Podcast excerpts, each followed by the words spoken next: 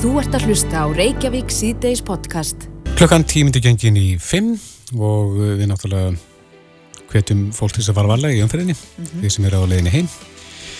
En uh, við ætlum að byrja uh, þennan þátt á eins og við sáðum hérna á þann að ræða hlut sem að flesti nota uh, dagstæli, svömmir eru með fleirin eitt af þessu. Já, og svömmir kannski gerða þau mist þau að nota sama á mismönd stöðum. Nei mitt, og það er alls ekki gott þegar fólk leimir þessu. En þetta eru leikilorðin.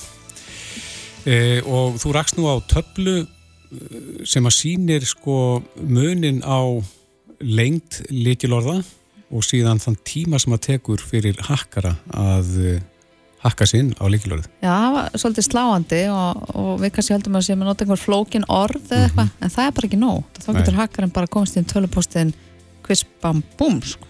Ja, hvernig virkar það? Á línunni er Valdimár Óskarsson, frangværtastjóri Sindís, sæl. Sælverið. Já, fyrir góðan, meðalgóðan hakkara, hvað tekur langan tíma að hakka sinn í, inn á reikninga hjá fólki? Þetta fyrir náttúrulega allt eftir flækjusíðin og því leikilorðum sem fólk velur því miður og ég er mjög ánærið að taka þetta upp en þetta er bara mjög mikilvægt aðrið. Mm. Það er mjög oft hannig að fólk velur eitthvað sem er auðvelt að muna til þess að þetta gleyma því ekki mm -hmm. Og það gerir það verkum að ef það er auðvelt að muna þá er það ofta orð sem eru í orðabók eða nafnið á hundinum eða árstíðin eða hvaða nú er og því stittri sem leikilorðin eru því fljótari eru hakkerar eða svo búnaður sem að hakkera búa yfir að finna út hvert líkilorði er. Og í mörgum tilfellum er það þannig að, að líkilorði hafa lekið út á netið, á, á darknetið og, og, og eru bara til sölu þar sem, sem bara reyn og klár líkilorð. Er þetta gott að vera með sama líkilorði á mörgum stöðum? Það er eiginlega bara alveg banna sko. Fólk það líka að skilja svolítið af hvort þú er persóna eða hvort þú er sasmar einhvers fyrirtæki sem nota ekki sömur líkilorð þar á milli mm. og svo náttúrulega sem einsærlingur þá náttúrulega brínum við alltaf fyrir fólki að nota tvíþátt auðkynningu þannig að það er ekki bara líkilorð sem skiptir máli, heldur líka eitthvað sem þú ert með. En, nú erum við náttúrulega með líkilorð inn í gjörsamlega allt. Hvernig, sko fyrst við megum ekki nota uh, sama líkilorð á, á mismunandi stöðum, hvernig getum við haldið utanum líkilorðin okkar? Það er nefnilega, þar kemur að kjarna málsins. Það er til heilmikið af, af lausnum þar sem eru svona líkilorða bankar. Ofta tíma eru brókipis og þá þarfstu bara að muna eitt líkilorð inn í líkilorða bankan. Það er náttúrulega mjög mikilvægt að það líkilorð sé upplugt og þegar ég tala um upplugt þá er það fyrst og fremst uh, verið ekki með orði orðabók og það er lengdin sem skiptir máli. Því að stáruðokkar samastendur ákveðin fjölda stafa og tákna og talna En þegar svona búnaður er að, er að það sem við kallum að krakka líkilorð, þá tekur það bara lítið á og alla möguleika þar og eftir og, og reynir að búa til það líkilorð sem að uh, notandin er með þegar að búa dulkóða. Mm -hmm. Þetta er ekki þannig að við séum að reyna að lokka okkur inn á e-mail-akkántin hjá okkur, e-mail-reikningin hjá okkur notanda uh, mörg, mörg miljón sinnum. Við erum að reyna, við erum með líkilorði sem er dulkóðað, við erum að reyna að búa til sama líkilorð og það getur tekið 7-8 stafir líkilorð uh, einfalt eins og sumar 2022 eða eitthvað svo leiðis og það tekur okkur svona 15-20 mínútur. En ef að líkilorði væri í staðan fyrir að vera 8 stafir eða 9 stafir, kannski 12 stafir þá myndi það taka okkur einhver ár og við nennum ekki að býða svo lengi sko. Nei, en þú segir að það eru komin svona upp eða forri til að halda utanum öll uh, líkilorðin Já. Það verður nú slemt að ef ykkur kæmist í, í þann banka þá... það, hefur, það hefur gerst og, en málið er að þá er, þá er komið þessu atrið að velja sér stert líkilorð sem eru nótu til þess að dulkoða líkilorðin okkar í bankan. Mm. En eru hakkararnir ekkert að einbita sér að það komast inn í þessi upp? Jú, jú, alveg öruglega og ég veit til þess að það app sem ég hef notað eða það forrið sem ég hef notað að það var hakkað. Ég var ekki trættur um mín líkilorð eða þess að líkilorði mitt þar inn og er eina líkilorð sem ég þarf að muna það er einhver átjörn eða 20 staðir mm. og ég þarf að slá það inn á töluna minna kannski á 30 dagar fresti. Mm -hmm. Þannig að og svo er ég með tvíþátt auðkenningu líka. Þannig að Ég verð nú eiginlega að spyrja hvaða eh, app notar sérfræðingunni sjálfur? ég notar sjálfur nokkuð sem heitir LastPass. Og svo er til eitthvað sem heitir OnePassword. Það er til fullt af þessu lausnum. Mm. Ég notar LastPass og þá er ég með að líki símanum mínum. Þá þarf ég að borga einhverja mann er það 10-12 dólar á ári þannig að þá get ég flett upp líkilorðan mínum í, í gegnum síma minn ef ég er ekki með tölvuna minna með mér Mm. Sko, fyrir svona almennan notanda sem er ekki sérfræðingur, þá erum við náttúrulega með síma og tölfur og maður getur vista leikilorð inn í vafarannu sínum eða símanum og setja á einhver, einhverja leikla kipu hérna, leikilorða leikla kipu inn á símanum. Er það sagt ekki gott að gera það? Jú, jú, það er vera með góða leikil, eh, leikilorða líkla kipu sem er gemt í skíunum, það sem að er tekið afrið af henni og þannig að vera trygg þó svo að tölvun okkar týnist, það að vista leikilorði í brásir eða í, vafra er ekki eitthvað sem mælum með, þess að ef þú tapar tölvuninni þá er hugsanlega hægt að komast í leikilorðin þar. Mm. Þannig að fyrst og fremst vera með tvíþjóðukenningu, vera með langt leikilorð og langt leikilorð þarf ekki að vera eitthvað sem er erfitt að mun. Við getum búið okkur til reglu, við getum við getum sagt, uh, mér finnst rigningin góð og ég bæti í staði fyrir að skrifa í, þá skrifa ég L og í staði fyrir S þá myndi ég vera með 5. Mm. Þá er maður komið með eitthvað svona orðarsamsendingu sem er auðvitað að muna og vonlust að reyna að brjóta vegna þess að þetta er ekki orði orðabók, þetta er langt Mm og samastendur af tölum og bókstöðum og hálásnum. Já, maður getur sönglað ef maður er í góðu skapi. Akkurat, þegar bara að finna sér einhvern, einhvern málsátt eða eitthvað En, og breyta þetta einfallega 5 í S eða eitthvað svona. ok, en skiptir máli að skipta reglulega um leikilorð? Þetta er búið að vera í umræðu í mörg ár. Mörg fyrirtæki eru með líkilorðreglu sem eru 8 stafir og skipta þryggja mánuði fresti. Ef þú er með 14 stafir þá myndi vinslu frekar að segja þá skiptur þú bara ekki. Hvar, hvar liggja mörkin? Ég held að bara í dag er 7 eða 8 stafir líkilorð það er valla hægt að flokka það sem líkilorð eða leini orðin sem mann tala, tala oft um þetta. Mm Ég myndi segja að mann ætti að vera reyna að finna sér 12 til 14 stafir líkilorð og, og vera þá miklu róleri með að vera ekki að skipta. Já, En tvíðatauðkenning og svona líkilorða bankar, það sem að, maður, maður er með 12, 14, 16 stáð líkilorð inn á bankan, þá þarf maður ekki að ágjöra hinn. nefnitt. Já, það er gott að fá þessar upplýsingar. Valdimar, Valdimar Óskarsson, framkvæmdastjóri Sindis, takk helga fyrir spjallið. Takk fyrir mig. Þú ert að hlusta á Reykjavík C-Days podcast. Umræðum uh, eftirmála, eða það er að segja ekki kannski eftirmála, en, en mál sem að tengjast Úkrænu eru mikið á döfinni núna og, og menn eru fannir að líta svolítið á uh, varnarmálin og nú bara skoðar hvert land fyrir sig, sína stöði varnarmálum sem er alltaf bæta í. Já, og við hérna þurfum kannski að vera óhrætt við einfallega að ræða þessi mál. Já, Hvort, hvort við séum undirbúin ef kemur til þess að hér er þið ráðist inn. Baldur Þoraldsson, professor í stjórnmálafræði við Háskóla Íslands, skrifaði grein eða fæsluðin á fjörsbókinu sína, þar sem hann er að velta þessum málum fyrir sér og uh, stöðunni hér á Íslandi þegar að kemur að vörnum landsins. Og Baldur er á línunni, góðan og blessaðan daginn. komið þið sæl. Já, meðal annars sem kemur fram í þessari fæsluðinni er að í rauninni först viðvera herliðis hér geti haft einhvers konar fælingamátt. Já, eh, ég held að það sé mjög mikilvægt eh, núna á þessum tímum að við hugum að því hvernig við styrkjum hrunni varnirlandsins og mér finnst aldrei að það glems bara í umræðinni almennt um vestrana heimi sko mikilvægi fælingarinnar. Að fæla óvinna sveiti frá því að ráðast á ríki. Það er eiginlega grundvöldurinn e, í varnarstefnu og rauninni má segja að það sé grundvöldurinn jafnvel að friði. Að tryggja það að verði ekki gripi til vopna. Og náttúrulega sjálfsögu er náttúrulega aðild Íslands að Atlasafsbandalæginu sem að varnarsamlingur við bandaríkinn mikið var svona tækið til fælingar, það má orða þessum svo. Mm. En ég var að benda á þessari fæstu það, það vantar mikið að þriðja þáttin í þetta. Að það eru varnar eða öryggisveitir á öryggisvæðinu í Keflavík sem eru ekki lengur til staðar. En er ekki viðvarandi vera hermana hér á landinu þar að segja að hér kemur flugsveit sem að séur um loftrýmiskeslu og hún fer og þá kemur önnur bara í staðin og tekur við? Jú, það hefur verið eh, rauninni allt frá svona 2007 eh, skiptast bandalagsríki NATO og síðan hafa sví, svíjar og finna komið inn í þetta. Við erum með loftrýmiskeslu eins og nefnir. Einni í vaksandi mæli hafa verið kapátaleitasveitir að fylgjast með þá ferðum rúsneska kapáta kringu landi en þess, og þessu sveitir eru svo e, rauninni oft og tíðar á öryggisvæðinu að það er nánast um fasta viðverð að ræða. Mm. En það er, það er ákveð tískinningur í því að geta ekki kallað á fasta viðverð. Það má ekki nefna það, ég er um stjórnmálamanna, ekkurum ásökum, til viðbótaðu það sem sé ennþá mikið vægra, þetta eru ekki varnasveit. Mm. Þessar sveitir eru til þess að líta eftir flugvélum og kafbótum.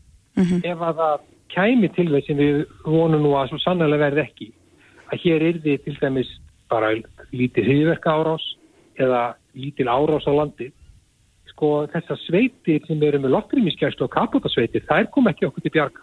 Til þess þarf sérstaklega sveit, hvenna og manna, til þess að bregðast í svoleiðis aðstæðan og það er ekki núna til staðar. Mm.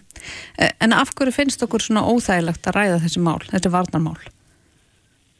Ég, það er aldrei góð spurning. Sko, ég hefur þetta uppgöðað að gera um tíðana sko, þegar maður fyrir að tala bara í almennu umröðum sko við fyrir að hugsa sko bara vel að því hvað gerum við ef hér verður þýðiverk árás Mhm. þá byrja allir svona að sussa á mann og menn eiginlega bara við erum viðkvæm almennt fyrir þessu umræðu. Við erum, herlaus. Við erum ekki vön að ræða þessi mál. Við höfum lifað uh, tilfjóðlega friðsamlega. Þannig að við erum óvan þessari umræðu. Það er bæði það. Síðan hafa, hafa þetta bara verið svo viðkvæm mál í íslenskum stjórnmálum. Sko bæði aldrei að NATO varðansanningu í bandaríkjum að vera hersins þetta var eitt helsta deilumáli hér í ára tíu.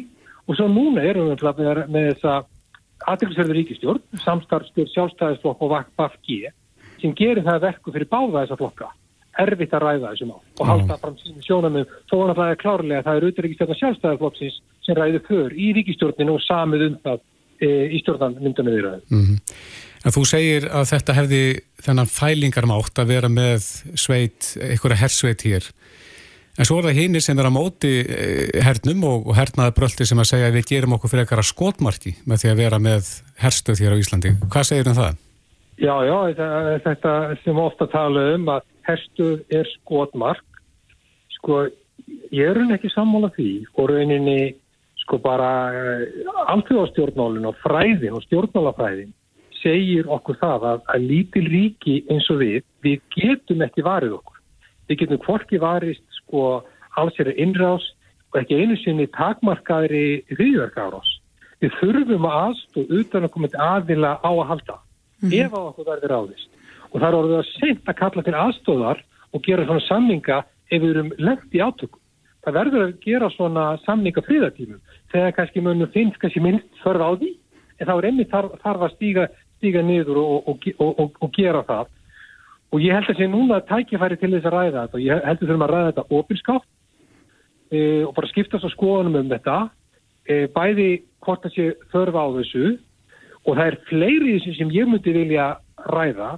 Sko þó ég, minn pistil var einhverjum á sérilagi um þess að fælingamátt uh, öryggis eða varnarsveitar á flugvöldunum við þurfum líka að ræða að bandaminn okkar komi til aðstóðar eða það verði landið mér langar líka að sjá umröða það hvernig það ætlaði að verja sæstrengina sem líka hinga til lands ef þá einangra okkur hér á Íslandi besta leiði til þess er að klippa á þessu tvo sæstrengi sem líka til landsins mér skilst þá að sko, heimilistölfunar okkar munið ekki þessi virka það er sko að netinu Mm. Þannig hvernig ætlum við að verjast þessu, hvernig ætlum við að fá aðstóð ef það verið klifta á þessa, á strengi.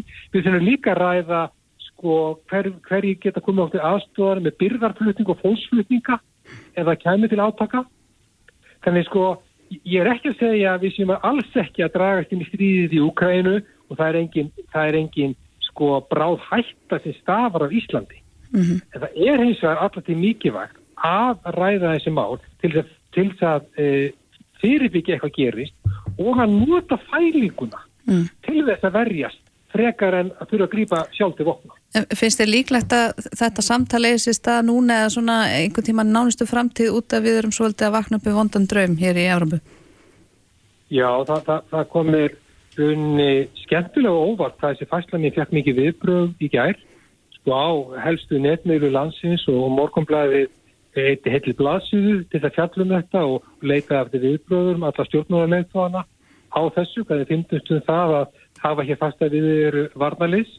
Þannig að ég held að í ljósi aðstæðana, aðstæðana séu menn tilbúinni til þess að ræða þetta þó ég hugsi að það er vand með þetta farið á ríkistjórnaheimilinu út af mismöndi afstöðu flokkarna sem þar setja við borðið til, til varnarsamstansins við bandaríkinu og aðeldina NATO. Mm En svona ef við lítum bara yfir þingið í heilsinni, heldur að sé stuðningur þó að við náttúrulega vitum hver afstæða vafki er í þessum álum en heldur að sé almennu stuðningur við fastir viðveru varnalis hér á landi á þingi? Ég sko, ef það svo er ekki, þá hafa stjórnmáðaflokkanir breytt um stefnu á þess að við vitum aðeins. Og hér er ég með það að tala bæðu um sjálfstæðarflokk og framstæðarflokk sem og rauninni samfélkinguna e, sem voru allir til fylgjandi sko veru vartalinsins í, í Keflavík. Ég er, ég, sko ég held að þessi flokkar hafi ekki breytt um stefnu en hvort að þeir fara að kalla eftir og taka undir það að hér þurfum vartali áttægi mikið á. Ég sé að leiðtóðisar flokka leggja áherslu á mikilvæg samtalsins við NATO. Auðvitað er það mjög mikilvægt í að þessar vartansveiti verður að koma eitthvað starf annar staða frá, frá bandalagsvíkjum okkar í NATO og við verðum með að viðra við þær. En ég vil ekki áherslu á þá, ég myndi vilja sjá þannig að við tökum frumkvæði í þessu umræðu. Við byrjum að meta hér heima. Hverju þurfum við á að halda? Ökkum netvörnum, kannski lítið öryggisveit að kemla ykkur flugvelli, tryggja sæstrengin, byrjaflutninga, allt fyrir að vest, vestaveg, byggjum um viðræður við bandaríkin og önnu bandalagsvíki okkar um hvernig við getum styrt ákvæði varnasamninga og öryggissamninga sem við höfum um þessi atriði og, og, og tökum þá afstöðu með þeim um hvað við gerum. Já. En við leggjum fyrst fyrir okkur hvað viljum við og svo tökum við máli lengra. Mm -hmm.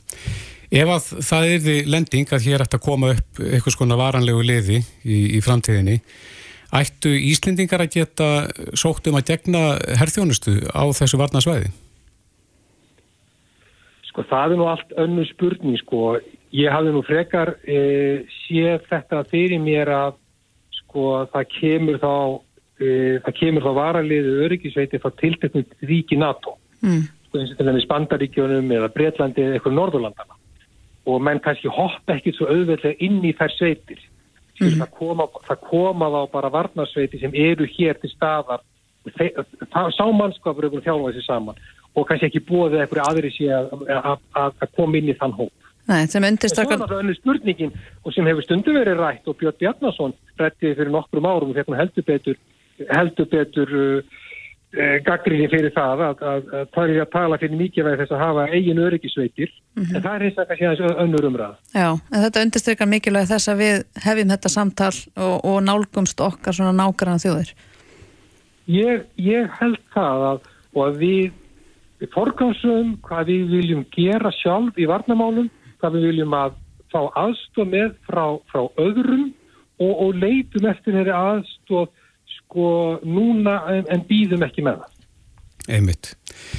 Látum þetta vera loka orðin, Baldur Þóraldsson, stjórnmálafræði profesor við Háskóla Íslands. Kæra þakki fyrir þetta. Takk ykkur, verið bless. bless. Þetta er Reykjavík C-Days podcast. Við veitum það að Íslandika geta verið mjög snöggir til mm -hmm. en uh, það er eitt sem er ennþá snegri, ef eitthvað er, Kári Stefánsson hann ætlar að, að henda upp uh, tónleikum til stuðnings Úkrænu á morgun stilsmir Og þekkjandi hann úr fjölmjölum þá held ég að þeir tónleikar verða ekkert slór Nei, hann hleypa til verka. Kári Sæl. Komið Sæl, ég vil leira þetta það er ekkert ég sem er að henda upp tónleikum, það er hóp frá fólki sem eh, kom saman og ákvaða skipuleikja tónleika. Þurftur reyðilegja þessa sögu? Ég er þessa sögu. Þetta er bara staðirinn, svona er þetta. Já, já. Að, að það var hópróf okkur sem kom saman í gæti til þess að reyka endan hútin á þetta skipulag. Mm -hmm. þetta, eru, þetta eru tónleika sem hefur verið upp í Hallgrímskirkju klukkan 6 á morgun og e, þarna koma saman alls konar tónlistafólk, þarna verður Þorstein Einarsson og sjálfum ásand Elinu Kristjánsdóttur. Hann eru dætur Elinar mm -hmm. það eru Sigga Bett og, og Elin það verður K.K. verður þarna. Í, í Króli verður þarna. Í, það verður Úkrænsk í Óperusöngkona. Það verður Kirstjúkórin og uh, þannig að þetta það verður víða það verið víðilegt að fanga til að, að eh, búa til hátilega stund. Er, þetta eru samstöðu tónleikar eða ekki? Þetta eru tónleikar til þess að, að sína úkrænumannum samstöðu. Þetta eru tónleikar til þess að, að eh, kalla á fríð, heimta fríð í þessum heimi. Þetta eru tónleikar til stuðnis rússum sem eru lendið í höndunum og störluðu meiraðisera. Mm. Þetta er þetta eru stund fyrir okkur til að koma saman og velta fyrir okkur alvarleika þessar stöður sem er komin upp. Mm -hmm. Það er störlaður einræðisherra í Rúslandi sem hefur hóttan okkur sinum að beita kjarnavopnum á, á síðustu dögum. Þannig að alvarlegra gerist það ekki. Þannig að mér finnst einhvern veginn eins og þessi full afstæða fyrir okkur að, að eiga saman fallega stund hlusta góða tónlist og velta fyrir okkur hvernig við getum lagt að mörgum til að búið til betri heim. Mm. Það má þá búast við að þetta verði ansið tilfinninga þrungin stund í Hallgrímskirkju annarkvöldu? Mér finnst bara flesta stundur vera tilfinninga þrungna þessa dagina að þurfa að, að horfa á, á eh, fréttamintir á ungum foreldrum að bera andfann átjón mannaða gammal batsitt inn á bráðmáltökur að sjá myndir af líkum á göttum borga í mér finnst þetta alveg ólíkendum að árið 2022 þá þurfum við að horfa upp að þetta. Mm -hmm. Kostar eitthvað inn, Kári? Nei, það kostar ekkert inn en svo krafa er gerð til þín ef þú koma þarna inn að þú verður ekkert að henda inn um bjöllum og sýtir sögur. Já, akkurat. Já, það er nú til mikil smælst, finnst mér.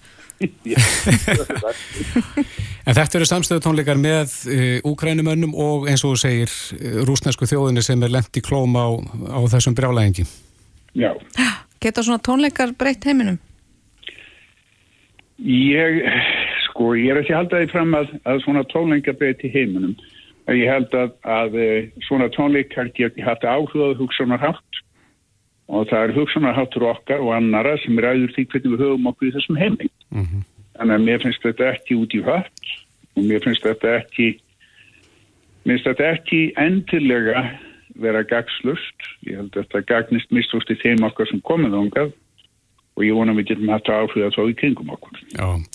Klukkan 6 í Hallgrímskirkju á morgun. Kári Stefansson, vel til fundi. Kæra þakki fyrir þetta og gangi ykkur vel. Takk, bless. Þetta er Reykjavík C-Days podcast. Jæja, Reykjavík C-Days, það er nú hægt að snjóa hér í það minnsta fyrir utan klukkan hjá okkur. Mm -hmm. uh, snjóaði hér eins og bara aðfangadagaðan. Já, hættir að snjóa svona í byli. Já, akkurat. Hérðan, eh, við hefum nú stundum rætt uh, heilsutengt málefni og, og ég las hérna grein þar sem hefur verið að tala um uh, hversu mörg skref við þurfum að stíga á hverjum degi til þess að það bæti heilsuna. Mm og við hefum hérst töluna 10.000 og hún hefur oft verið nefnd mm -hmm. og margir eru það með, með það sem takmarka á sig svona yfir daginn að, að ganga 10.000 skrif en nú telja menn sér vera búin að finna töluna sem þarf að e, ganga eða skrifina sem þarf að ganga til þess að bæta heilsuna. Ég veit ekki alveg hvort ég var að spennt eða stressuð yfir þessari tölu. Já. Að hún sé þá herri. Já. En menn eru búin að skoða gögn uh, frá þúsundum uh, fólks viðsvegarum heiminn og uh, þetta eru 15 uh, rannsóknir sem að menn svona uh, ríndu í. Mm. og niðurst þannig svo að talan sé 6.000 Nei! Mm. Þannig að það, það er eitthvað sem fagnar þessu. Það er búið að hafa okkur að fýbli, fýblum í allan enn tíma. Nei, ég sé það ekki. ganga fram af ykkur. En, en Nú gengur þetta ekki lengur. Þannig að þeir sem að vilja ekki ganga 10.000 skref mm. þeir geta þá bara sett töluna 6.000 Já, þetta er Það er nú hljótt að telja. Já, já, já. Það, það það er mun viðráðanlegra heldur en 10.000 Já, já mm -hmm. En talandum heilsuna, það byrtist grein í nýjasta tölubræði Læknablasins sem að ber yfirskriftina Þögli faraldurinn, síklarlið í ónami og það er Karl G. Kristinsson sérfræðilegnir í síklarfræði og profesor í síklarfræði við Læknatilt Háskóla Íslands sem að skrifar mm. og hann er komið til okkar, velkomin Takk fyrir Við hefum nú rætt síklarlið í ónæmi áður en uh, svona aðeins smá yfirreyði við það, hvað er síklarlið í ónæmi? Sýklarlefi ónum er það þegar að bakterjur mynda þól eða þannig að á þann hátt að sýklarlefi virka ekki lengur á þá mm. og það getur gerst ímest með stökkbreytingum til langs tíma eða erðaflutningum fá, fá bara frá öðrum ónumum bakterjum til sín mm. þannig að e, síklarlif, eða þarf að segja bakterjur sem hafa verið næm og hafa verið þetta meðhalda til dæmis um penislinni eða eitthvað slíku að þá þarf einhver önnur breyðvirkari eða dýrari síklarlif og, og svo er, er einhver þetta koll á kolli þannig að þau verður alltaf ónæmari og ónæmari með tíman og þannig á endanum er verða þannig að það eru ná, nánast engi síklarlif sem verka á sumar bakterjur sem verður mjög ónæmari mm. Þetta er frábröðin eh, faraldur, frábröðin frá COVID-faraldrin sem kom svolítið aftan að okkur. Þessi faraldur er búin að vara hansi lengi. Já, búin að vara mjög lengi. Mann er að hafa skrifað um þetta fyrir 25 ára síðan eða svo og uh, þegar við vorum með mikið ánum með pneumakokkum hér á landi með ofnáttkunn síklarlifjægi og börnum á leikskólaaldri. Þannig að þá þurftu jafnir börn að fara inn á bannarspítalar hengsist til þess að fóra lif stungulif til þess að mhm. meðhandla eiritabólguna. Síklarlif í æð þá. Já.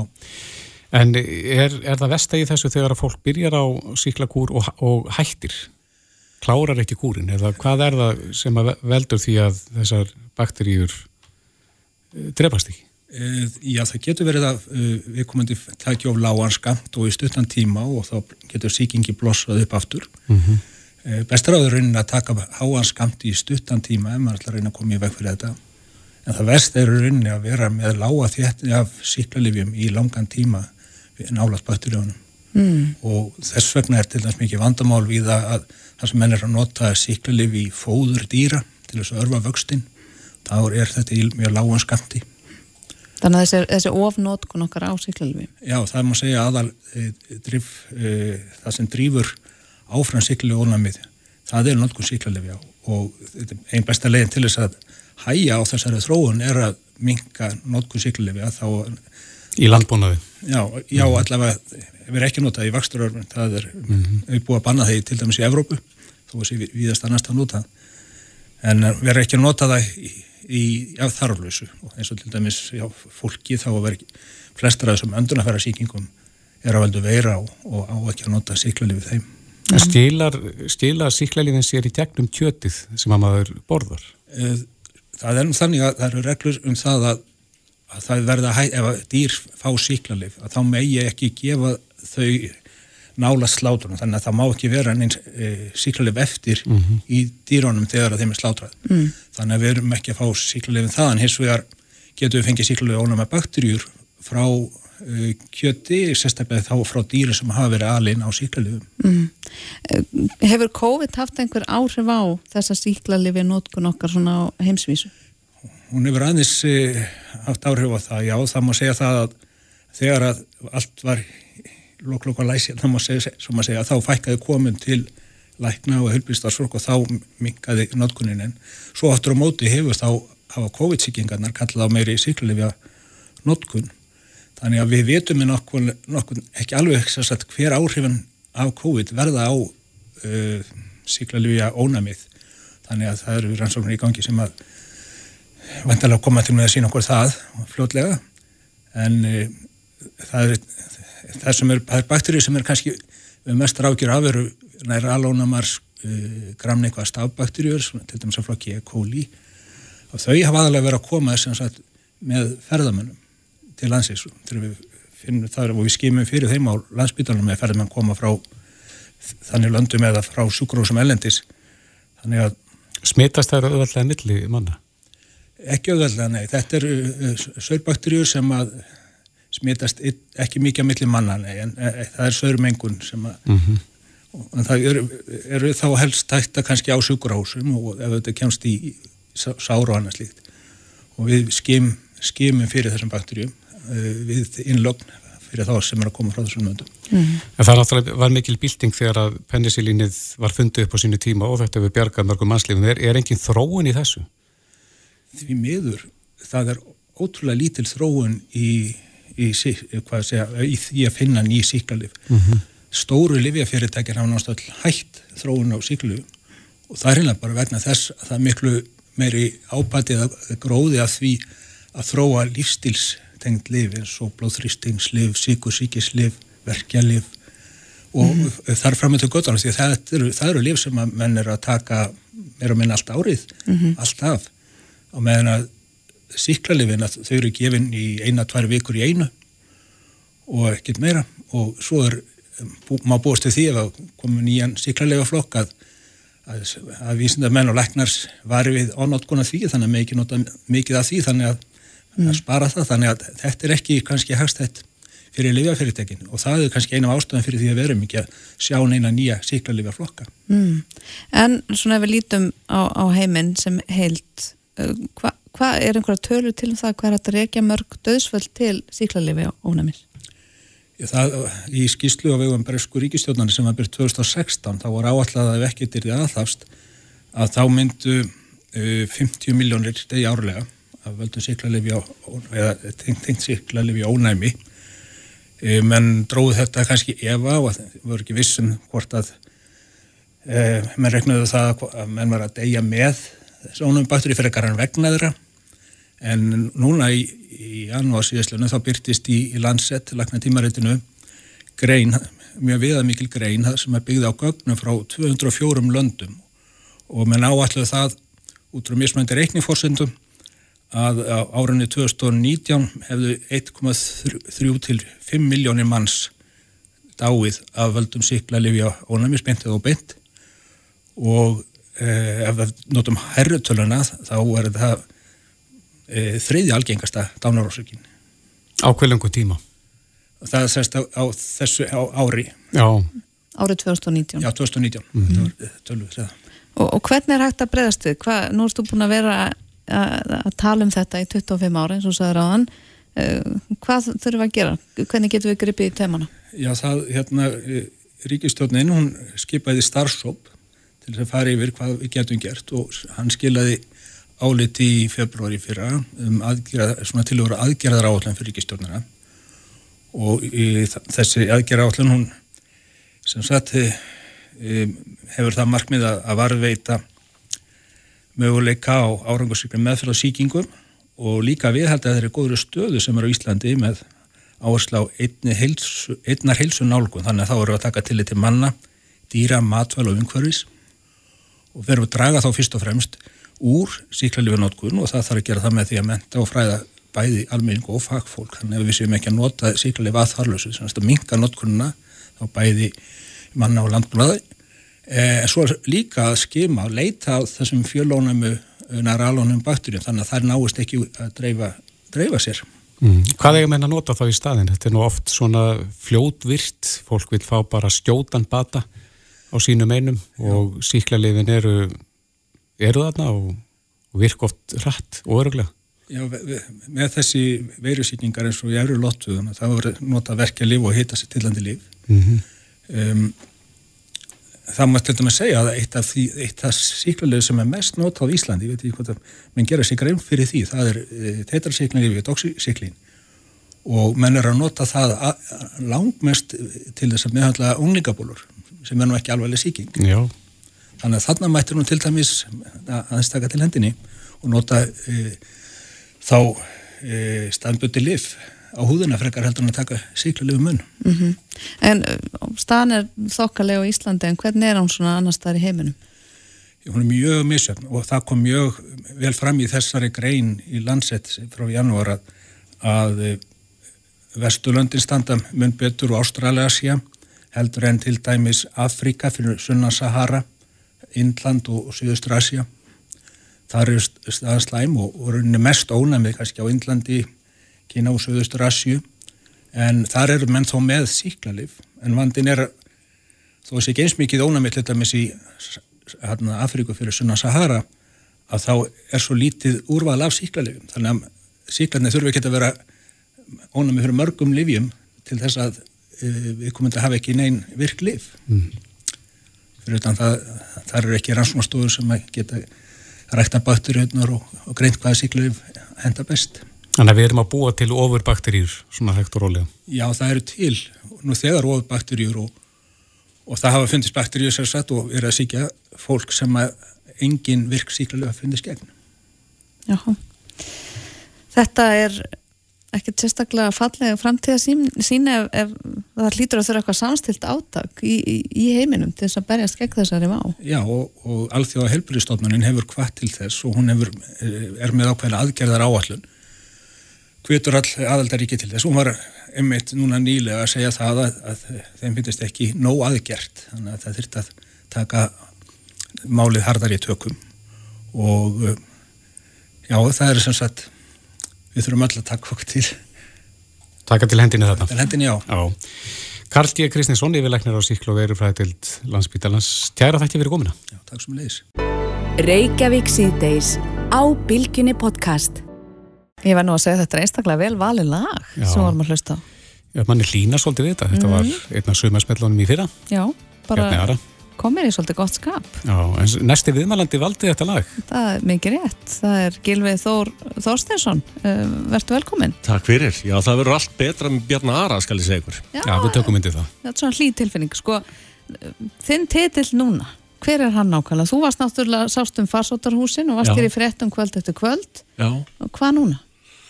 já hvað núna? Uh, já, nú ég ekki, ég man ekki hver þessi titill Ah, er sko, ok. algjörðastjóri er það ekki Jú, þjó með teimi sem flóttafólk Já. frá Ukraínum Já, verkefnið er, er stórt og mikið og, og snýr að því að, að aðstofa þessa flóttamenn sem hinga að koma frá Úkrænu Mhm. og greiða þeirra leið hinga til lands og, og hjálpa þeim að, að koma sér fyrir þann tíma sem þau verða hér. En nú er skortur á húsnæði, er það ekki svona stærsta hindrunin? Jú, ónættilega er það ein af hindrunum. Við aftur á móti erum búin að vera undarfarnan daga að, að vinna í því og, og höfum fundið fyrir gífulega miklum velvilja í garðverkefnisins, eh, bæði frá einstaklingum, félagsamtökum og, og, og hérna verkalýsreifingunni og við erum komið með eh, einhvern fjölda íbúða, kannski 20 íbúða, einhvern 20-30 íbúðir Sem að standa auðar þá sem að standa auðar og, og uh, við þurfum hugsanlega fleiri og líklega en, en hérna en ég hef góða tilfinningu fyrir, tilfinningu fyrir því að, að það bjargist allt saman. Höfum við einhverja hugmynd um hver margir munu sérst, koma hingað frá Úkræn? Það er svona verið að spá að þetta geti verið einhvers þar á bylunu 2 til jafnvel 5.000 manns. Þetta gæti orðið mun færri, þetta gæti líka orðið fleiri, við vitum það ekki. Mm. Þetta er náttúrulega raun gerast núna, allt þetta ástand þarna, austur frá og við þurfum bara að bretti bermar og, og hlauparhatt, breðast við og vera tilbúin því sem verður. En Þessar íbúður sem eru komnar á skráhjókununa, hvar eru þær aðalega? Aðalega eru þessar íbúðar sem við erum komið núna hérna á höfuborgarsvæðinu. Uh, við erum þó komið vel vilja uh, út á landi líka. Þannig að þetta er, svona, þetta er að teiknast upp og ég er sannfæður um það að, að við munum skila þessu vel á okkur í hendur þessa fólks. En uh, hvernig virkar það, nú hefur maður tekið eftir því í kringu sig á samfélagsmiðlum að uh, einstaklingsframtækið er ansið stærst. Það er fólk að bjóða íbúðir og, og fött og, og allskynns. Heldur þú uh, á fólk að hafa samband við þig þau vil leggja að setja mörgum? Já, sko, þetta er góð spurning. Það sem við ætlum að gera er að við ætlum að opna vefgátt sem að vonandi opnast uh, í kvöld eða á morgun þar sem að fólk getur lagt okkur lið, uh, bæði varandi húsnæði og fleira og nú reynir á þjóðina enn einu sinn og aftur reynir á, á samtakum á þjóðarnar að, að hérna, koma saman og láta gott af sér leiða. Þetta eru bræður okkur og systur sem að þarna eru og við skulum hafa það í huga að öll stríð eru stríð gegn börnum. Í þessum hóp sem er að koma til okkar er mikið af börnum, uh, mikið af mæðurum þeirra, uh, feður, bræður, sínir verða eftir að, að berjast. Þetta er stríð gegn börnum og það er þau sem við erum að hugsa um. En Þeir vilja vantilega íbúðir með innanstokksmunum, er það ekki? Jú. Valla, valla að koma þessu fólki fyrir í tómum íbúðum. Nei, nei, uh, auðvitað væri það best að fá innanstokksmununa með, Eh, ef ekki að þá erum við ekki að, að neyta íbúðinu heldur, við, við finnum þá aðra leiðir til þess að, að fylla þæra möblum, eins og sagt er, uh, þannig að við hvetjum fólk þegar vefsíðan verður klár og við munum að sjálfsögðu láta vita þegar það, það verður allt komið á, á vefin, að, að fólk fari þar inn og, og kynni sér málið hvað það er sem að þau geta gert til þess að hjálpa okkur. En uh, hvað var þar um, atvinnu eða um, skólavist fyrir börn til dæmis eða, eða frístundir Já. hvernig, er, er það eitthvað útvært? Eða? Þetta er eitt af því sem við erum að útfara líka. Uh, við vitum það að, að uh, hópur, þessi hópur sem er að koma Eh, einhver hlutu þeirra vill eflust koma sér út á atvinnumarkaðin hitt fyrsta og, og það er verið að reyna að greiða þá leið.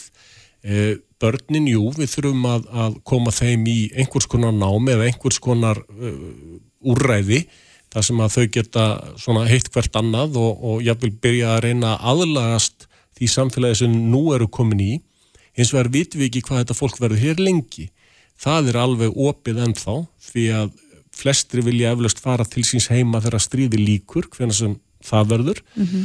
Engur hluti fólks mun koma hérna í skamman tíma og halda þá áfram eitthvað annað innan Evrópu, mm. þannig að við vitum það ekki. Þetta er eitt af því sem við þurfum að skoða þegar, þegar fólkið byrjar að koma. Það eru jú reyndar 70 manns eða svo komnir nú þegar. Mm -hmm. Helmingur þeirra er hjá útlendingastofnun núna en, en hinn helmingurinn er hjá vinum og ættingum Eh, þannig að þetta er svona, þetta er byrjað að koma til okkar og, og nú þurfum við bara að umvefja þetta fólk, taka utan á það og, og hjálpa því áfram. Já, það hefur einmitt væntanlega upplifað ímislegt, eitthvað sem við getum kannski ekki gert okkur í hugalund. Hvernig fer svo aðstof fram þá þessi andleg, andlegi stuðningur? Já, það er eitt af því sem við munum uh, vinna með sérfræðingum, bæði, bæði geðleiknum, sálfræðingum, við munum reyna að fá félagsamtök og alla þá sem að geta veitt þessu fólki aðstóð eh, einmitt þetta, það eru skelvilegar aðstæður sem að þetta fólk er að, að flýja. Eh, fólk er að deyja þarna, við skulum bara tala um hlutin eins og þeir eru.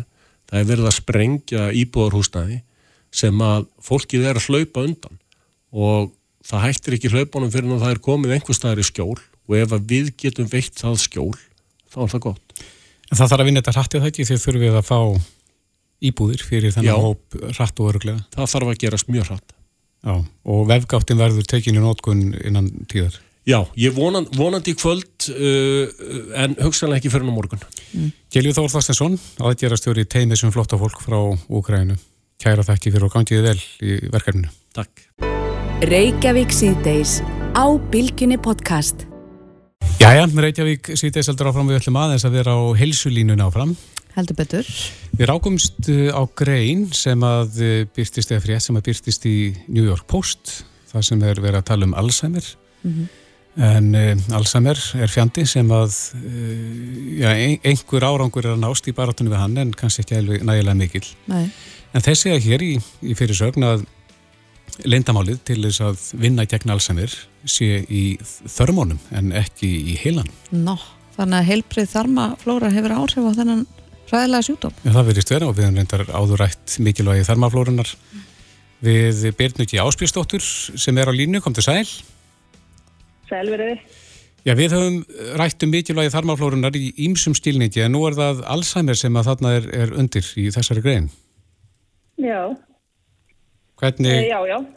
Hvernig, hvað, hvað viljaði meina með að þarmaflóran sé líkillin að þessari baráttu? Já, þau voru náttúrulega að skoða ímsa þætti og þetta var nú ráðstöfna hann sem að er, held ég núna bara annan mass voru að byrsta ykkur á niðurstöðu. Það eru nú reyndar að, hérna, að mikilvægt að nefna að þetta er ekki komið út, efni, útgefa efni ekki reytrind ennþá, mm. en mjög áhugaverða niðurstöður. Og hérna við náttúrulega bara tölum um Alzheimer sjúkdóminn og það var náttúrulega tögarhörnuna sjúkdómur sem er svona algengasta orsök heila bilunar. Og þess að þau voru að skoða, þau sérstaklega voru með róttur eða svona nabýr sem að fengu þarmaflóru úr sérstaklega Alzheimer sjúkningum og, og þessar róttur í rauninni fengu verri útkomu úr, það voru sættir svona minnispróf mm -hmm og það síndu sem sagt eh, verri útkomu heldur en eh, við með því sem hefði ekki fengið sem sagt frá þermaflóru úr allsami sjúklingum. Eittir síndu að minni endur nýjun á eða svona hæðari vakst á tögafrumum í heila, svona það sem að minnistöðunir eru mm -hmm. og, e, og í þriðja lagi þá síndu það er meira af svona bólguþáttum í heila.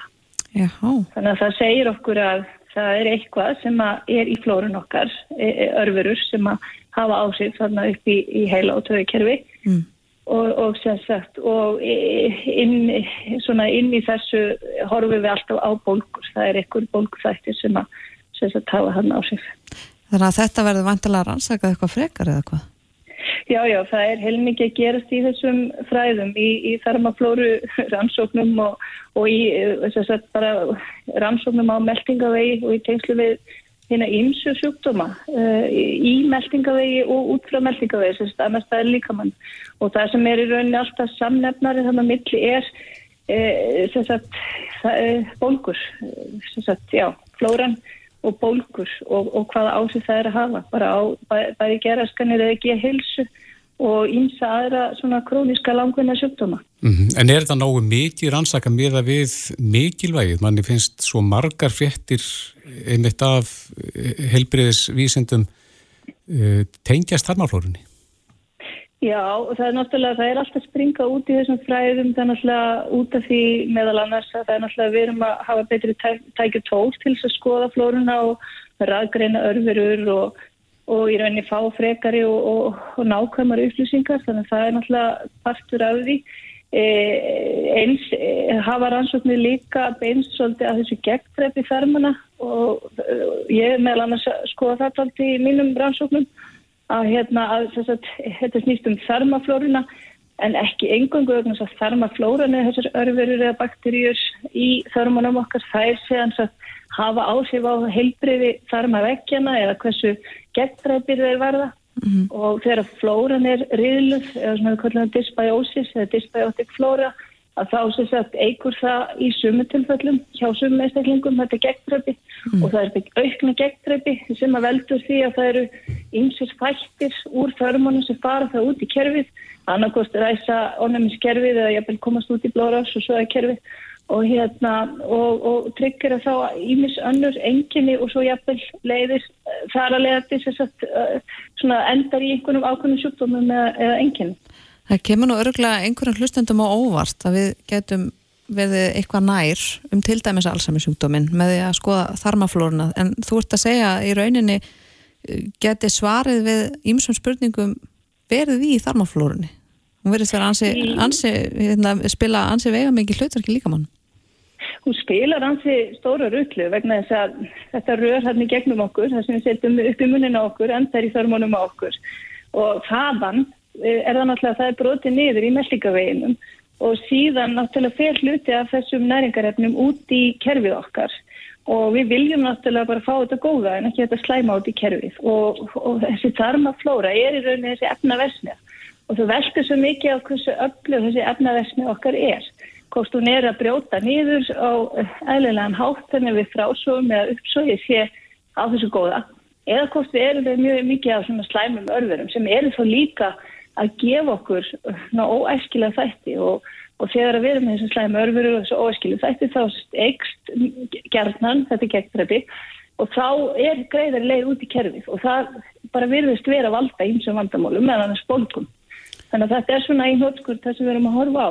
En síðan er svo að því við erum að tala um Alzheimer's að þá, hérna, þá er í raunni en þá, þó við vitum mínuslegt um Alzheimer's og þessa hérna svona eh, minnis eh, heila bilanir, heila bilun, að þá, þá er erfitt að fást við, það er í rauninni ekki anþá komin almeinlega lækning, það er í lif sem að hæja á þessari uh, heila bilun eða sörnun eða töða sörnun, en, en það er ekkert svona komið ennþá, þannig að nú eru menna að horfa svolítið á það að geta kannski meðhandlað eða haft einhver áhrif á sjúkdóminni gegnum frá meldingaveginn. Þá bæði með lífstíl og, og mataræði, reyfingu og svo framvegis og jáfnveg líka með livjum. Þannig að mhm. það er svona svolítið ný nálgun að, að nálgast þennan sjúkdómi heila í gegnum eh, meldingaveginn. Það er mjög spennandi. En... Uh hvað fer vest með þarmaflórunna? Hvað, hvaða eh, atriði hafa verst áhrif á, á þessa flóru? Sko, það er ansið margir þættir sem hafa áhrif á, á þarmaflórun og melkingavegin og hérna, en náttúrulega nummer 1, 2 og 10, það er mataræð. Mm. Það er vegna þess að við borðum alla daga, flesta daga og ofta dag. Og hvað er það í matnum sem að fer vest í flórunna?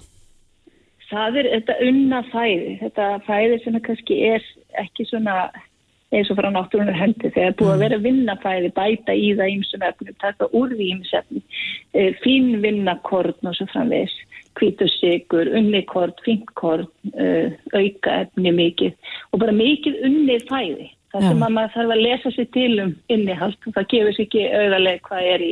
Já, þegar maður skil... Epli, þá er epli bara epli. Ef við horfum á eitthvað pakkamat þá þurfum við átt að lesa í að bylnu kannski 50-50 innihaldefni og þá erum við að horfa á mjög unna fæð. Þannig að er... er ekki að gefa okkur það sama og svona náttúrulega fæða. Þannig að er þá ágættis regla að kaupa ekki eitthvað að maður skilur ekki innihaldstýsinguna? Það er eiginlega bara mjög góð regla vegna þess að ef þú skilur ekki innihaldi þá er lík, líka minn ekki líklegri til að skilja það og þetta kannski er ekkit að gera okkur gott og, og hérna, við förum líka ofta á mis svona mikil og nærikarefni þegar við erum að borða mjög unni fæði því það tapast úr því mikilvæg efni og síðan er kannski verið að bæta kemiskum efnum inn í staðin og, og jafnvel sigri og salti til að búa til eitthvað bræða því það tapast í, í minnsluferlinu. Mm -hmm. En mataræðið er mikilvægt en það er og má ekki gleyma því að það er líka eins og seyfing hún skiptir greiðarlega miklu máli fyrir flórunna og eins og bara hefur við að tala um sjúkdómis og allsammis að það skiptir seyfing og vöðvamassi miklu eh, máli og við töpum þegar við fyrir að eldast þá erum við að tapa einhverjum prósentum á hverju ári að vöðamassa sem við seifum okkur ekki. Þannig að ég held að tvö prósent sem við töfum, ég maður nú ekki nákvæmlega. En við þurfum alltaf að viðhalda líkams svona styrkleika, mm -hmm. sérstaklega eftir sem við eldumst. Nú svo náttúrulega skiptir miklu máli að sofa og við sofum betur ef við borðum vel og seifum okkur. Við þurfum að drekka vatn, við þurfum að forðast reykingar og óhof í áfengisnökslu og svo framveg. Þetta allt hefur ásett náttúrulega bara alla almenna heilsu en sérstaklega bara á þarmaflórunu og meldingaði.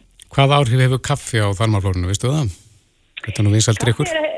Já, kaffi er ekki slæm. Kaffi er, er hérna, þetta er náttúrulega bön og kaffi inniheldur oljur og, og, og marga þætti sem eru hérna ágættir fyrir líkamann og, og svona hæfileg örfun fyrir töðakerfi og getur gert okkur gott mm. en það er gott að velja sér bara mandakaffi og og hérna ég byrði lífnæntrækta og svo framvist það er líka að vita að það er mjög mikið getur verið, mjög mikið eituröfnum í kaffi, bara eins og mörgu færi og þá það snýst það líka um gæði Hunsum við of oft viðvörunamerki frá þarmaflórunni?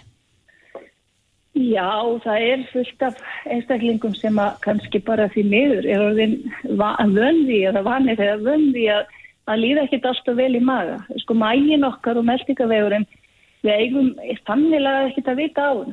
Ef okkur líður vel og ef það er jafnvægi, þá munum við bara ekkert mikið eftir þessum maður, nema kannski þegar við erum svöng og viljum borða og svo verðum við bara svona sött eða mett og þá, þá, þá stoppum við að borða og mhm. þannig á þetta að vera. En ef við erum uppþemt og með ykkur óþægindi og kannski órættju og hægum niðurgang og harlifi eða eitthvað, eitthvað þar til skiptis, eins og margir kvartaðum kannski skiptist á engin regla á þessu. Þá, þá, er, ója, þá er líkur á þessu ójabæi og þá er þess að tarmaflóran kannski að kvarta og, og meldingavögunum En það er nú aldrei þegar við Það er að laga þetta með, með breytum mataröð það er þar oft ekki mikið til. Nei, en það er oft sem að þegar við förum í stöðu tekk hjá lækni þá er það blóðpröfa en e, serðu fyrir að sörsýni verði bara svona algengt? Já, ég held að það er í framtíðinni? Já, ég, þá fáum við bara mæling á flórun okkar og þetta er svolítið fingrafari okkar, það kannski verður ekki alveg að við vilt að setja fólki í svona bóks eins og í blóðprjóðunum en, en hérna, en það verður mjög mikilvægt að fá eitthvað, eitthvað svona baseline, eitthvað viðmið mm. þannig að við getum átt á okkur á hvort okkur skortir ákveðnar bakteríur eða örfurur og hvort við erum og mikið óhagstæðum örfurum og svona veist.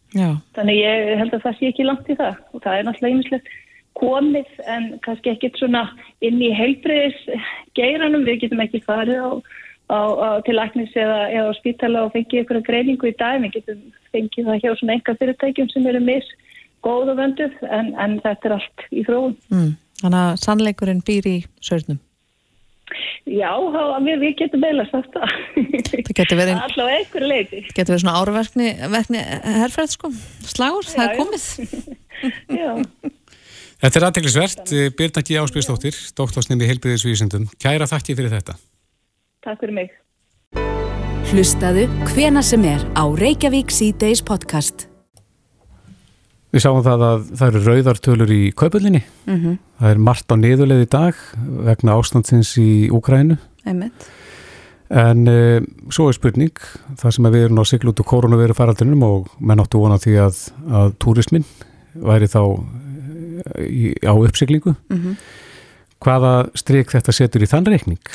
Já, nákvæmlega. Um, til að svara því, eða allavega velta vöngum yfir því, Mhm. er á línunni Kristján Sigurjónsson hjá turisti.is. Góðan að blessaðan daginn, Kristján. Sælverðið. Já, hvað segir þú? Um, hvert stefnum við núna? Hver er staðan núna? Já, það er góð spurning sko, en, en það er náttúrulega ljóst að, að hinn blessaða óvisa, hún heldur áfram, það er náttúrulega ljóst að þetta elsnýtisverð sem núna er og, og, strísáttökin að þetta hérna, já, veldur ferðageiranum vanda, flugfélagunum og, og bara ferðaþjónustinni almennt, það er náttúrulega á einhverju tímapunkti lítur þetta elsnýtisverða kannski að skila sér út í, í, í verðlagið og, og valda því að fargjöldin fari upp á við og, og það er svo sem merkjum það nú þegar að það sé farið að gerast og svo er það bara þannig að fyrir bandaríkjamenn til dæmis sem hafa náttúrulega verið svona stærsti hluti ferðamann á Íslandi að þá er, er stríð í Evrópu vissulega fráhrindandi. Og uh, setja þeir Ísland undir sama hatt og meginland Európu þegar það kemur að því? Já, það má allan að rekna með að hluti þeirra að gera það, en, en það er nú svo sem ennþá sér maður svona vangaviltur í, í bandarísku ferðarpressunni mitt um þetta, hvort að það sé hérna að draga úr eftirspurn eftir ferðarlegum til Evrópu í sumar eða ekki og það er nú svo sem ekki komin inn afgerandi sögur ennþá, þannig að það er svona kannski margi sem ætla að býða eins og sjá og, og hvort að eftirspurnin Já, haldist sterk, það er náttúrulega bandarísk flugfélög og evrósk hafðu svona áður en að þetta kom allt upp, gert ráð fyrir að þetta er mjög gott ár þegar að kemja ferðarlegu milli Evrópu og Norður Ameríku, bandarísk flugfélög til dæmis með meira frambóð á, á Evrópuflugi en, en ofta áður, mm. en hérna Þannig að við svona, ég meðum gera ráð fyrir því að fljótlega þurfum við svona stjórnandi flugfélagar sem eru skráður hlutabriðamarka allan að fara að gefa einhverjum svona vísbendingar um já, hver staðan er, hvort það sé að draga úr eftirspurnið ekki eða hvort þetta hafi bara engin áhrif. Já, þú segir að það séu svona merkjum það að hækkandi olíuverð sé fara að stila sér í hækkun á farmiðaverði. Uh, hvað er það yfirleitt fljótt að stila sér þangað? Já, það er náttúrulega allir gangur því en það er sérst til dæmis í, í sérsagt hérna svona mánalegum uppkjörum sem að skandinavísku flugfélögin SAS og Norwegian hafa verið að byrta þar sést að það er meðalverðið er, er, er á uppleið. E, svona upplýsingar eru ekki veittar hjá Æslandir og Play en, en, en þannig eru merkjum þetta og, og En svo hefur þetta ekkit alltaf skilað sér út í verðlagi, það er til dæmis gerðist 2018 þegar Æslandir og Vá er átt í mjög mikillir samkeppni að þá hvortu stjórnendur Æslandir sáran undan því að, að hækkandi olíuverð á þeim tíma skilaði sér ekki út í verðlagi, verðlagi fargjöldin heldust lág og, og sem svona slæm áhrif á afkomu þessara tveggja flugfélaga eins og við munum. En, en hérna Þannig að það er ekkit endilega örugt að fara út í, í verðlagið en, en það svona núna er í sjálfur sér róli verði komið tölverdi yfir það sem það var 2018. Mm, já, það hefur ekki verið hvað herra síðan 2008 eða eitthvað þvímlíkt. Er verða ólíu að fara að hækka enn meira? Vitum við það?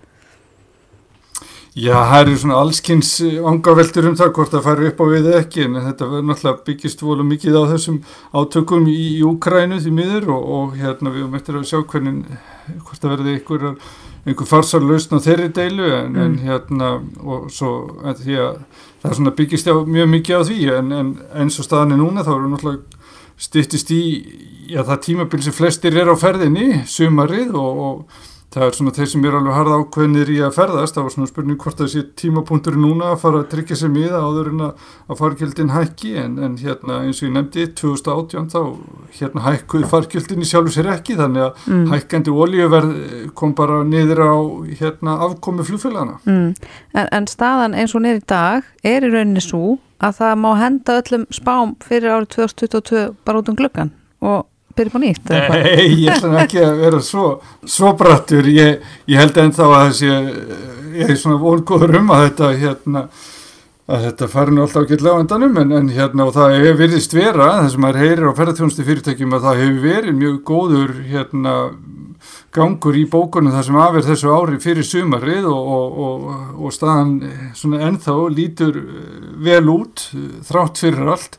En það er náttúrulega bara sjálfur sér stuttlið á þessi átöki í Úkrænu og bara gríðilega óvisa á öllum sviðum um, um framaldi og það náttúrulega hefur, hefur áhrif á kannski ég vilja fólks til þess að festa sig því að þetta eru náttúrulega oft tölver fjárútláta að hérna kaupa flugmiða og, og tryggja sig gistingu og, og bílalegu bíl í útlandum mm. þannig að mhm. fólk kannski heldur að sér höndum aðeins lengur. Emitt.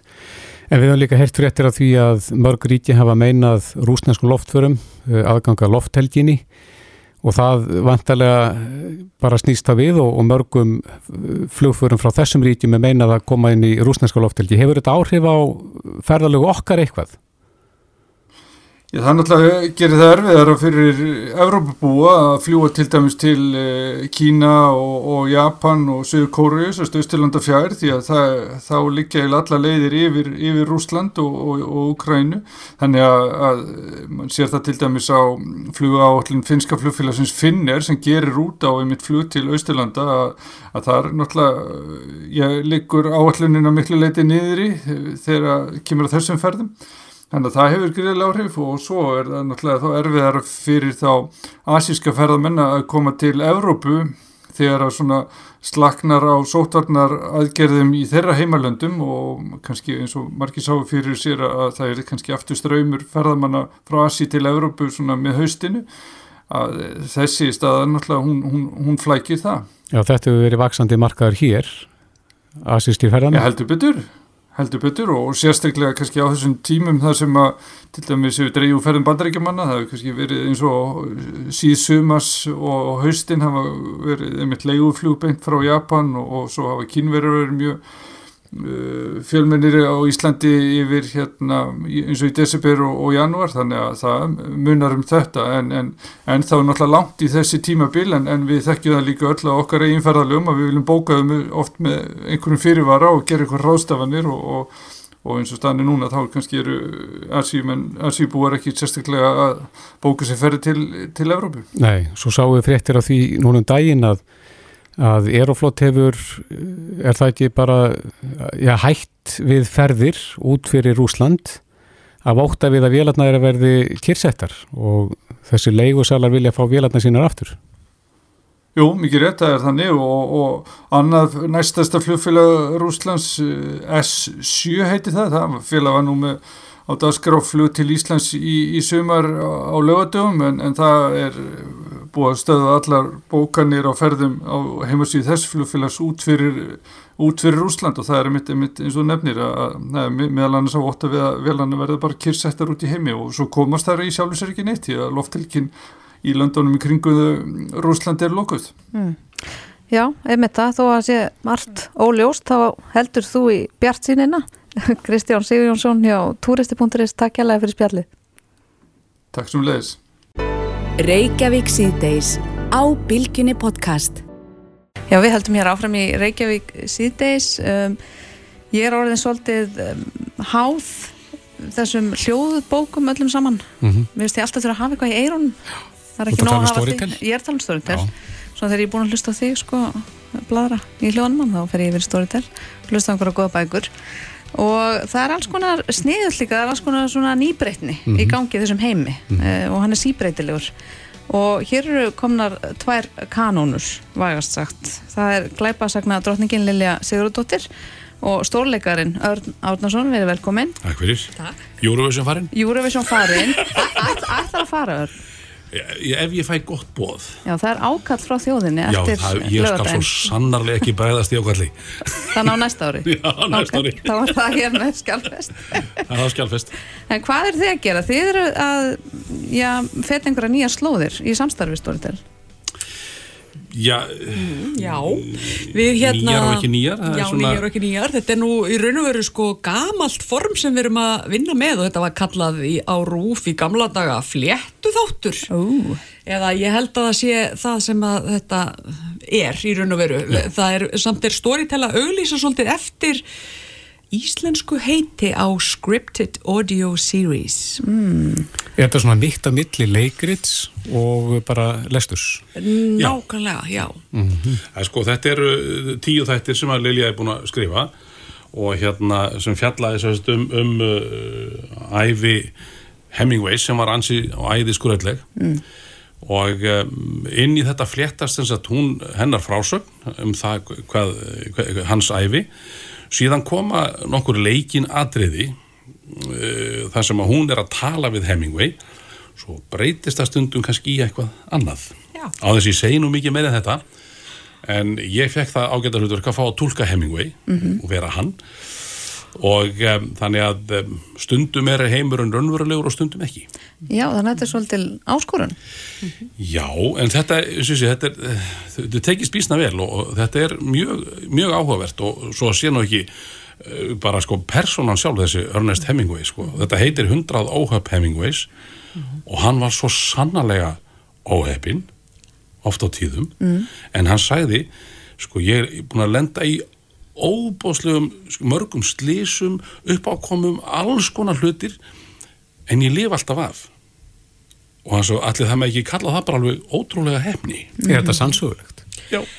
Já, þetta er sko, ég, það er ekkert í þessu í raun og veru sem að ekki hefur gerst nema Mhm. kannski eitt atriði sem er vafi um. En sko málið er að sko æfi Hemingways er þannig að það er mjög margt á reiki vegna þess að hann sjálfur sagði mjög miklar og yktar sögur af sjálfum sér og í raun og veru bjó sér til svona út á við personu sem var eins og svona hálgerður varnarháttur, hann var mikið ofur kallmenni, Mhm. alltaf með byssu eða veiðstöngu í hönd og, og hérna drakk og var á kvennafari og allt þetta, bjóð sér til svona þessa svona gamaldags kallmennsku ímynd. En svo, það er ekki margir sem vita það að hann var alin upp fyrstu fimm æfi árin sem stúlka Nú, Nú. og það svona, kemur kannski bein, bein lína þarna á milli af hverju hefur maður svona mikla þörf fyrir að sanna kallmennsku sína sko mm. og það, er, er vitað af hverju fyrir ekki? Já, það, mammans hérna, hafði þá sérkennilegu árátt að vilja eiga tvíbura og þannig að hún, hann sem sagt átti eldri systur og var, sem var árið eldri og hann sjálfur var stór eftir aldri Mm. þannig að hún bara breytti honum í stúlku og sagði allum að þetta væri Nei. tvíburastelpur Þetta er alltaf í kjól. Það er nú kannski ekki skrýta að hann var að kljást við brotna sjálfsmynd. Já, maður getur spurt sig og það er svona margt sem er svona svolítið skrítið í æfans og hérna og f- fyrsti þátturinn fjalla meðal annars um þetta og, og ég svona skálda svona kabla inn á milli þar sem að við sjáum eða ég ímynda mér hans sjónarhorn á hlutina. Mm. en sko allar staðrindirnar eru réttar en það er svona þegar hann talar sjálfur sko það, það er skáldskapur minn og sem í, í túlkun Arnar sko sem að er, er frábær flottur, flottur Hemingway. Hvað gerður til að koma þér í karakterur? Sko, það er bara mynda á honum.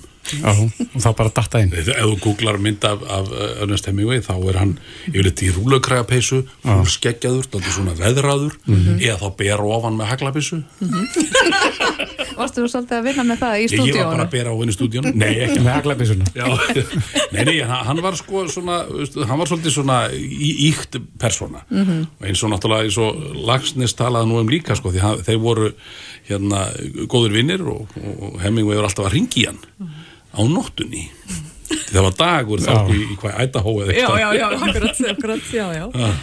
En hvað þetta lítur að vera þá svolítið mikið samspil ykkar á milli Lili og Örn eða hvað, eru þið saman að lesa á sama tíma inn í stúdíu er Nei, þetta sko, hún, hún er nú mest sko, að, að lesa og segja frá æfans Mhm. og svo koma svona brot í hverjum þætti þar sem að Hemingway er að tala við, við Lilju, annars vegar og svo eh, starfsfólk eða fulltrúa FBI eða eitthvað því hann var, var með hálfgjört ofsóknarbrjáleði sko, hann ég held að FBI var að njósta um sig sko, allan sólarningin Mhm.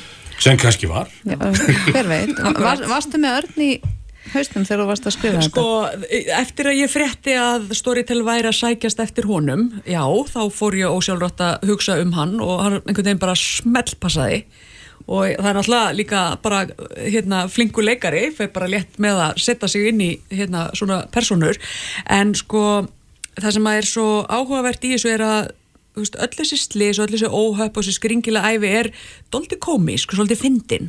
En svo verður þetta bara tragedía. Og sko Örn hefur þetta allt á valdi sínu eins og náttúrulega góðir gammaleikarar eru oft góðir tragedíu, sko hérna bara dramaleikara líka og Örn er bara fyrr mestarlega með þetta. Já, svona, þegar, þegar líður á þættina þá verður hann alltaf meira og meira brotinn sko. Mm. og þá, þá svona ósvöld verður röddinn alltaf meira og meira brotinn og hafa verið þingra yfir öllu og svona. Svo, svo er hann hættur að greina á milli hvað er önveruleiki og hvað ekki sko. Hann, hann gerir sér ekki grein fyrir því hvort hann er að tala við Lilju eða hjúgrunarkonu og þetta er gaman, þetta var svona mín frumraun að vera leikkona sko því að þetta er nokkuð samtil á milli okkar. Arnar, ég er náttúrulega er ekki leikkona og ég, hérna, dán mín á leikurum hefur bara vaksið við þetta. Þetta er ekki alveg auðvelt sko. Þannig að þú ert mótleikona líka. Ég er mótleikona líka sko. En, En- þetta er náttúrulega, ég hef skrifað leikrít og, og sjómasandrít og svo leiðis og þetta er náttúrulega d- draumur allra sem er að skrifa einhvern svona leikteksta að, að þú veist, heyra leikar að fara með þetta, það er bara svo æðislegt þetta, Mm. það lifnar einhvern veginn allt við sko En er þetta hljóðskreitt á öðru leiti? Eru leik hljóð þannig líka? Já. Þetta er svona, eins og sé, þetta er svona leikin, eh, hvað ma- já, leikin serja, Já. hún er eh, byggð á, á hluta til á frásögn og svo á þessum eh, samleik og það er ekki bara Lilja og Hemingway heldur líka sko alls konar fólk sem kemur inn í þetta og náttúrulega allar konundarnas, Já. hann var fjórgiftur. Já, það er ágætt að það er að fylgjast með því öllu. En svo er bara flottur hljóðheimur í kringum þetta og, og, og hérna, tónlist og bara stóri tilbúin að gera þetta glæsilega og þetta er eitthvað svona sem að þau eru að fara að leggja upp með að gera meira af, Mm. framleiða einhverju svona serjur. Er þetta komið inn?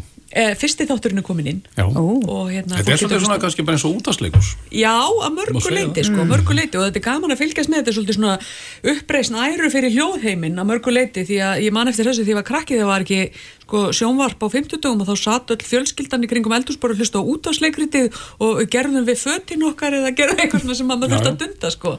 og hérna og, og það er svolítið gaman að fólk er fara að njóta hljóðheimsins aftur sem að mér finnst frábært sko því að þetta er svo mikið sjónrænt efni í bóði en, en það verðist ekkert komið í ökk fyrir það að fólk vilji líka hlusta Nei, það er meiri kvíld kannski að hlusta bara.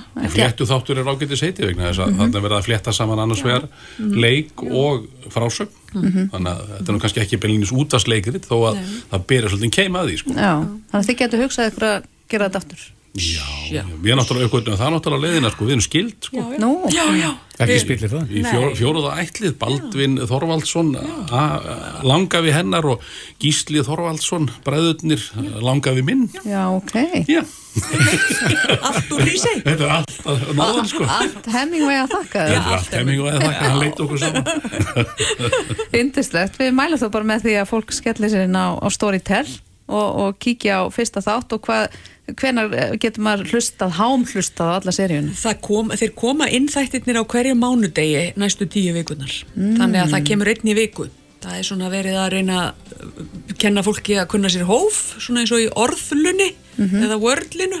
Að skamta þessu skinsamlega Já, þetta er svo skemmtilegt að, að fólk myndir náttúrulega auðvitað annars bara hámið í sig.